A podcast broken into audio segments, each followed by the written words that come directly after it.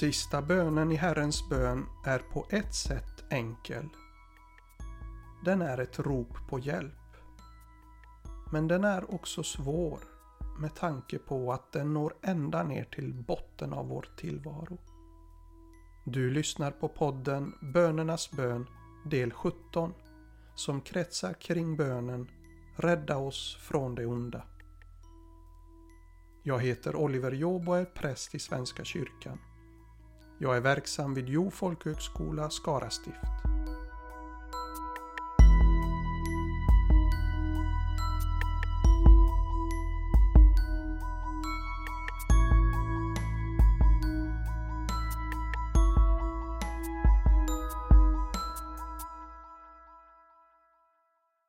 När Johann Sebastian Bach påbörjade ett nytt musikverk skrev han förkortningen JJ längst upp på pappret. Det stod för det latinska uttrycket Jesu Jova som betyder Jesus hjälp. En bön kan vara så kort och enkel. Jag tänker på att den avslutande bönen i Herrens bön uttrycker samma sak. Rädda oss från det onda.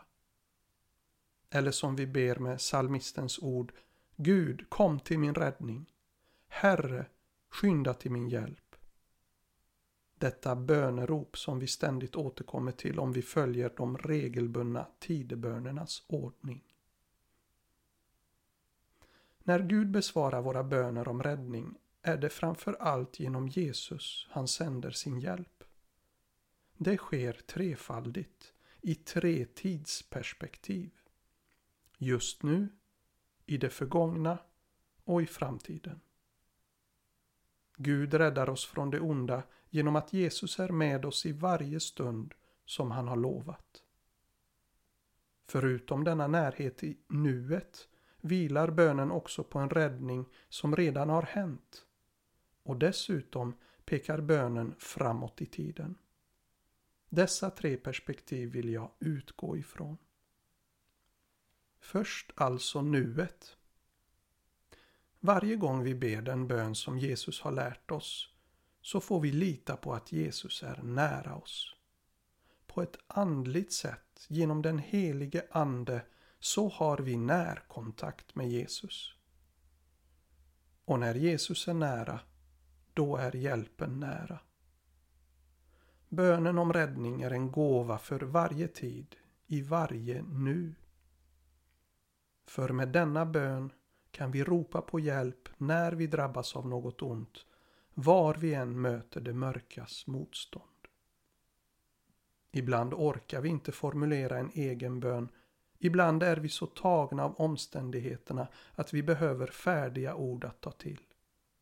Och då kan Herrens bön vara den ledstång vi griper för att inte falla, för att orka stå ut och komma vidare.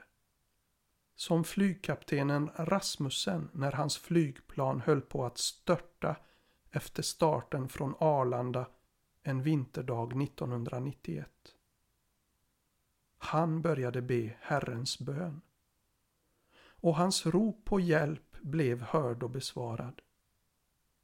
I samma plan satt piloten Holmberg som inte var i tjänst men han skyndade fram och hjälpte till med nödlandningen på en åker i Gottröra. Alla 129 i flygplanet överlevde olyckan som kom att kallas miraklet i Gottröra. Under sker undantagsvis men Jesus är alltid nära när vi ropar på hjälp. Ibland svarar han på vår bön genom att bevara oss från att drabbas. Men ofta nog genom att bevara oss genom det svåra. Något vi kanske bara upptäcker senare. För när vi är mitt i mörkret kan vi känna oss helt övergivna. Då kan Herrens bön, eller bara just denna del av Herrens bön, vara en gåva. Det finns ord att säga. Det finns någon att klaga för. Någon som lovat att lyssna. Någon som vill oss väl, trots allt. Denne någon får vi komma till när vi är tyngda av bördor för att få vila.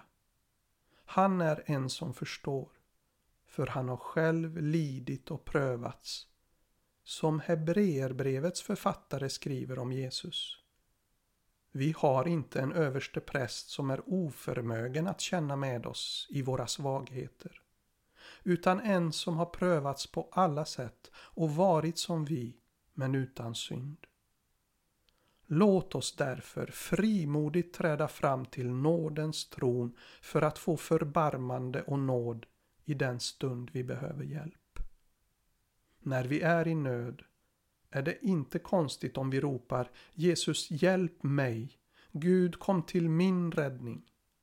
Men en god effekt av att ha gått igenom svårigheter eller sjukdom, att ha behövt ropa på hjälp, kan vara att börja höra andras rop. När vi själva eller någon i vår närhet drabbas av en viss sjukdom som vi inte visste fanns, börjar vi plötsligt höra om den sjukdomen både här och där för vi har blivit uppmärksamma. Herrens bön påminner mig om att inte bara be rädda mig från detta onda, utan rädda oss från det onda. Så hjälper mig denna bön att omforma mitt rop på hjälp till att inbegripa en förbön för andra. En förbön för alla som lider. En förbön som mina egna erfarenheter gör angelägen och levande.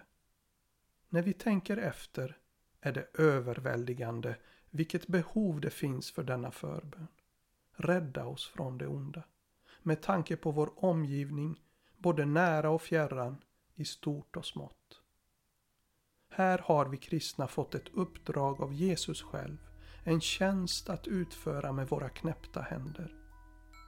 Vi kan börja med de korta enkla ord som han har gett oss.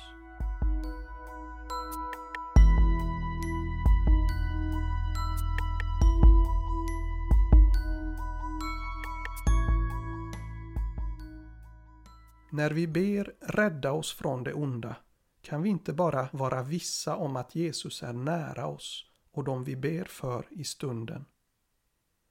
Bönen förflyttar oss också tillbaka i tiden och ställer oss framför Jesus på korset. Där och då, när Jesus dog för oss, besvarades bönen djupast sett. Det finns inte någon mer omfattande räddning än den som skedde på Golgata. Där besegrades ondskan och människan blev räddad. Ett annat ord är frälst. Vi får vara frälsta idag när vi tror på den räddning som Jesus gav oss då. Jesus hade kämpat mot det onda i olika skepnader under hela sitt liv, i hela sin gärning. När han upprättade de utstötta, botade sjukdomar, drev ut demoner, diskuterade med förstockade människor, stod ut med lärjungarnas otro, blev frestad, förföljd och tillfångatagen. Höjdpunkten kom vid påsken i Jerusalem när Jesus vann den avgörande segern över ondskan genom sin död och uppståndelse. Vad är det då för ondska som Jesus räddade oss ifrån på korset? Den brukar beskrivas med tre ord. Synd, död och djävul. De kallas ibland fördärvsmakter. Att tala om dessa i vår tid är varken lätt eller populärt. Men att sluta tala om synd, död och djävul gör inte att dessa försvinner. Tvärtom kan dessa makter få större utrymme att fördärva våra liv om vi inte är medvetna om hotet som de utgör. I vår tid frestas vi lätt att förytliga ondskan. Det kan ske genom att vi kallar den för något mindre farligt. Till exempel okunskap eller inverkan från omgivningen. Eller blandar ihop den med människans allmänna svaghet. Då tycks det bli mindre upprörande och vi behöver inte ingripa med så stort allvar. Att det är behagligare att ha överseende med ondskan än att verkligen försöka göra något åt den det ser vi dagligdags i vårt samhälle. När vi ställs inför Jesu kors genom bönen Rädda oss från det onda uppmärksammas allvaret. Att betrakta hur Jesus offrade sitt liv låter oss ana vilket djup han räddade oss ifrån. Måttet på Jesu lidande är måttet på ondskans djup. Om ondskan inte hade varit livsfarlig hade vi inte behövt räddas genom att Guds son offrade sitt liv. Det hade räckt med god undervisning i en sund gemenskap. Men hela den gammaltestamentliga historien visar att Guds lära och lag, tillhörigheten till hans folk, inte räcker för att besegra ondskan och rädda mänskligheten. Vilket i sin tur leder oss till nästa fundering. Går det att förstå och förklara allt ont med mindre än att det finns en personlig ond makt, djävulen? Hur kommer det sig att människan i smått och stort inte lyckats lösgöra sig från destruktiva mönster? Att det onda har en sån dragningskraft genom vår omgivning och ett sånt sug inom oss? Vad förklarar annars den bottenlösa ondskan i världen? Folkmorden och koncentrationslägren. Att inte räkna med djävulen skapar fler frågor än det löser. Då får vi antingen skylla allt på Gud eller låta människor vara ofattbart onda. En möjlig översättning av Herrens bön är Rädda oss från den onde. Uttrycket i grundtexten är nämligen dubbeltydigt. Och den dubbeltydigheten kan bevara oss från att förminska ondskan. Är det andliga fördärvsmakter vi står emot, då behöver vi Guds hjälp, för då har vi inte makten att segra själva. Då behöver vi bli frälsta. Vi behöver den räddning som bara Jesus kan ge. När vi står inför korset hör vi Jesus säga Det är fullbordat. Det betyder att räddningen är färdig. Jag behöver bara viska Jesus, hjälp. Rädda mig. På det sättet blir Herrens bön också ett uttryck för vår tro. Den tro som i varje bön återvänder till korset i tacksamhet och glädje för den räddning som redan är färdig. Den räddning som ger livet en stabil grund, en god botten under allt som är ont och svårt. Därför blir bönen till tacksamhet inför Jesu kors. Vår bön är redan besvarad. Vi kan känna igen oss i hur Paulus återkommande utbrister över detta.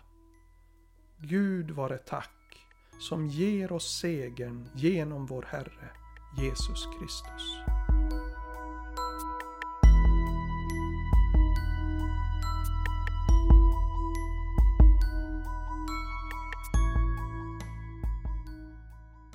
Guds räddning går vidare. Hans räddningsplan är ännu större. Förutom att ha frälst oss, förutom att dela våra lidanden i nuet, så vill han rädda oss till ett nytt liv inför framtiden.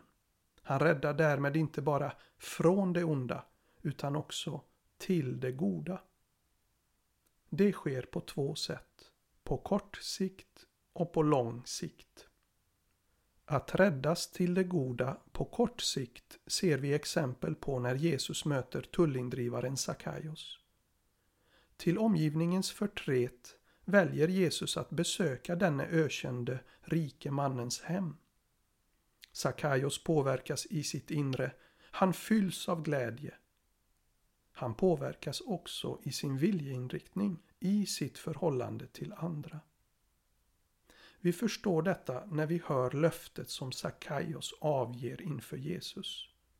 Hälften av vad jag äger, Herre, ska jag ge åt de fattiga och har jag pressat ut pengar av någon ska jag betala igen det fyrdubbelt. Då konstaterar Jesus. Idag har räddningen nått detta hus. Jesus räddar till ett nytt liv. Sakaios räddades från sin egoism som kan ha medfört både skuldkänslor och isolering från andra. Och han räddades till generositet som måste ha medfört en frihet och lett till upprättade relationer. Hans räddning skapade ringar på vattnet. Fattiga räddades av Sakaios gåvor. De som hade pressats på pengar räddades från sina förluster och deras hat kunde vändas i tacksamhet. Vi känner igen mönstret. När någon av oss räddas från något ont så leder det allt som oftast till goda konsekvenser för omgivningen. När det istället är det onda som får överhanden så påverkas andra också. Det är lätt att andra dras med. Därför är bönen rädda oss från det onda så viktig. Också när det handlar om vårt vardagsliv, våra beslut, vårt förhållningssätt till andra. Glädjen över att vara besökta av Jesus och räddade av honom får sporra oss att i bön och arbete ta sats inför framtiden varje dag och kämpa den goda kampen. Till detta har Jesus befriat oss och gett oss den heliga Ande som hjälp. Men vi är inte räddade undan motstånd på kort sikt. Vi lever i världen där det onda fortfarande är närvarande och aktivt. Här, under vårt återstående jordeliv, har vi fått uppdraget att verka för det goda. När Jesus bad till Fadern för sina lärjungar som han skulle lämna kvar i världen sa han Jag ber inte att du ska ta dem ut ur världen utan att du ska bevara dem för det onda. Vi kommer fortsätta att utsättas för frestelser och falla i synd. Som sådana frälsta syndare får vi verka tillsammans genom kyrkan som är Jesu Kristi kropp i världen. Med den kärlek som vill rädda andra. Med det budskap som avslöjar allt ont. I denna kamp på kort sikt får vi också kraft genom hoppet. Hoppet om att Jesu räddning till ett nytt liv som har börjat här i tiden kommer fullkomnas på lång sikt genom hans räddning till evigt liv. Bönen rädda oss från det onda ger oss till sist också detta evighetsperspektiv. Rädda oss fullt ut, rädda oss slutgiltigt och helt. Vårt hopp är att Jesus ska komma från framtiden och rädda oss så att Guds goda ordning segrar. Också om detta ber vi. Jesus, hjälp. Befria den här världen från allt ont. Det är detta mål som alla våra böner är riktade mot. Sju är fullkomlighetens tal. Den sjunde bönen i Herrens bön pekar mot det fullkomliga. Jesus som fullgjort alla tidigare aspekter av den bön han lärde ut. Han ska också förverkliga denna återstående aspekt. Det är vårt evighetshopp. Som det så hoppfullt uttrycks i slutet av andra Timoteusbrevet. Herren ska rädda mig från allt ont och hjälpa mig in i sitt himmelska rike. Hans är härligheten i evigheters evighet. Amen.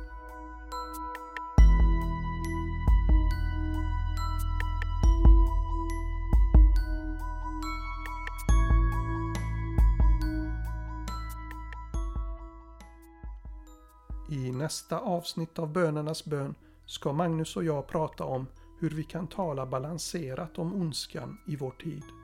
Varken överdrivet eller nonchalant.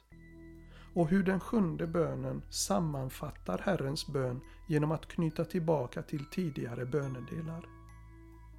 Musiken i podden har Josef Rimshult bidragit med.